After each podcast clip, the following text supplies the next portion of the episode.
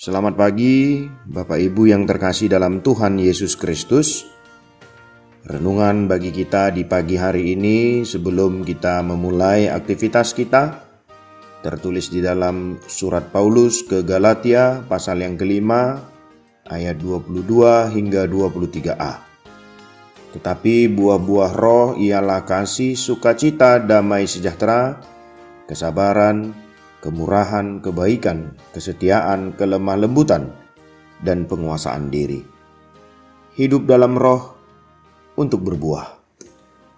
Sebagai manusia, kita memiliki kecenderungan untuk hidup menuruti keinginan daging daripada tunduk kepada Tuhan dan hidup dipimpin oleh roh. Ada tertulis, roh memang penurut, tetapi daging lemah. Matius 26 ayat 41. Menurut Paulus dalam suratnya ke jemaat Galatia, ada dua macam kehidupan yang ada di dalam dunia, yaitu kehidupan berdasarkan keinginan daging dan kehidupan berdasarkan keinginan roh. Paulus menunjukkan kepada orang-orang Kristen di Galatia bahwa mereka harus hidup berdasarkan pimpinan Roh Kudus.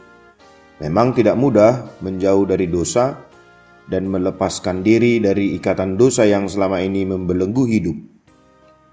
Dia menyebutkan secara rinci buah-buah roh atau sifat yang telah diperbaharui yang sudah seharusnya kita hasilkan sebagai orang Kristen. Dan di sini kita bisa mengamati bahwa seperti halnya dosa disebut perbuatan daging karena daging atau sifat rusak adalah dasar yang menggerakkan dan menarik orang kepada dosa. Demikian pula anugerah dikatakan sebagai buah roh karena sepenuhnya berasal dari Roh Kudus, seperti buah yang berasal dari akar. Sebelumnya Rasul Paulus telah menyebutkan sebagian besar perbuatan daging yang tidak hanya menyakiti manusia sendiri, melainkan cenderung membuat mereka saling menyakiti. Demikian pula di sini dia memberi perhatian khusus kepada sebagian besar buah-buah roh yang cenderung membuat orang-orang Kristen serasi satu sama lain dan merasa damai dengan dirinya sendiri. Dan ini sangat sesuai dengan perintah, peringatan, atau nasihat yang telah dia berikan sebelumnya. Bahwa mereka tidak boleh mempergunakan kemerdekaan itu sebagai kesempatan untuk kehidupan dalam dosa. Melainkan, layanilah seorang akan yang lain oleh kasih. Secara khusus, dia menasihatkan supaya kita memiliki kasih, terutama kepada Allah dan kepada satu sama lain untuk memuliakan Dia dan juga sukacita yang dipahami sebagai rasa gembira dan bergaul dengan teman-teman kita atau lebih tepatnya kebahagiaan yang tetap di dalam Allah. Perhatikanlah, jika kita harus membuktikan diri kita sebagai milik Kristus, sedemikian rupa hingga dipersatukan dan menyatu dengan Dia, dan mencurahkan perhatian kepadanya, maka kita harus senantiasa peduli dan berusaha untuk menyalipkan daging dengan kesenangan-kesenangan dan keinginan-keinginannya yang cemar. Kristus tidak akan pernah mengakui sebagai miliknya orang-orang yang menyerahkan diri menjadi hamba dosa. Kita harus memperlihatkan buah-buah roh ini.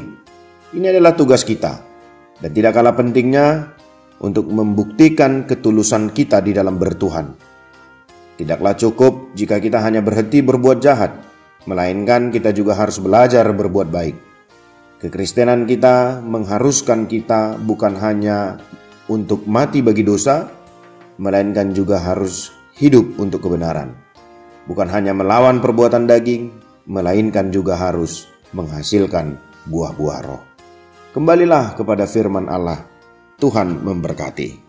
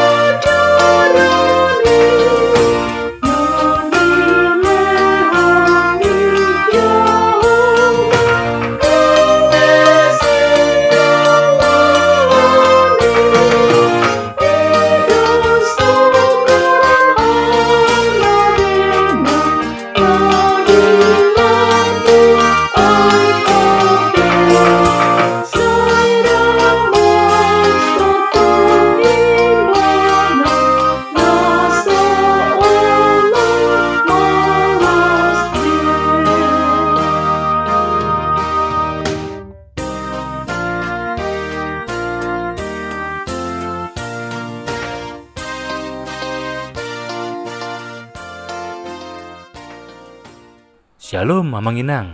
Terima kasih sudah mengawali hari dengan mendengarkan renungan hari ini. Yuk bagikan renungan harian ini kepada keluarga kita sehingga firman Tuhan itu tidak kembali sia-sia, namun berbuah dan terpelihara. Tuhan Yesus memberkati.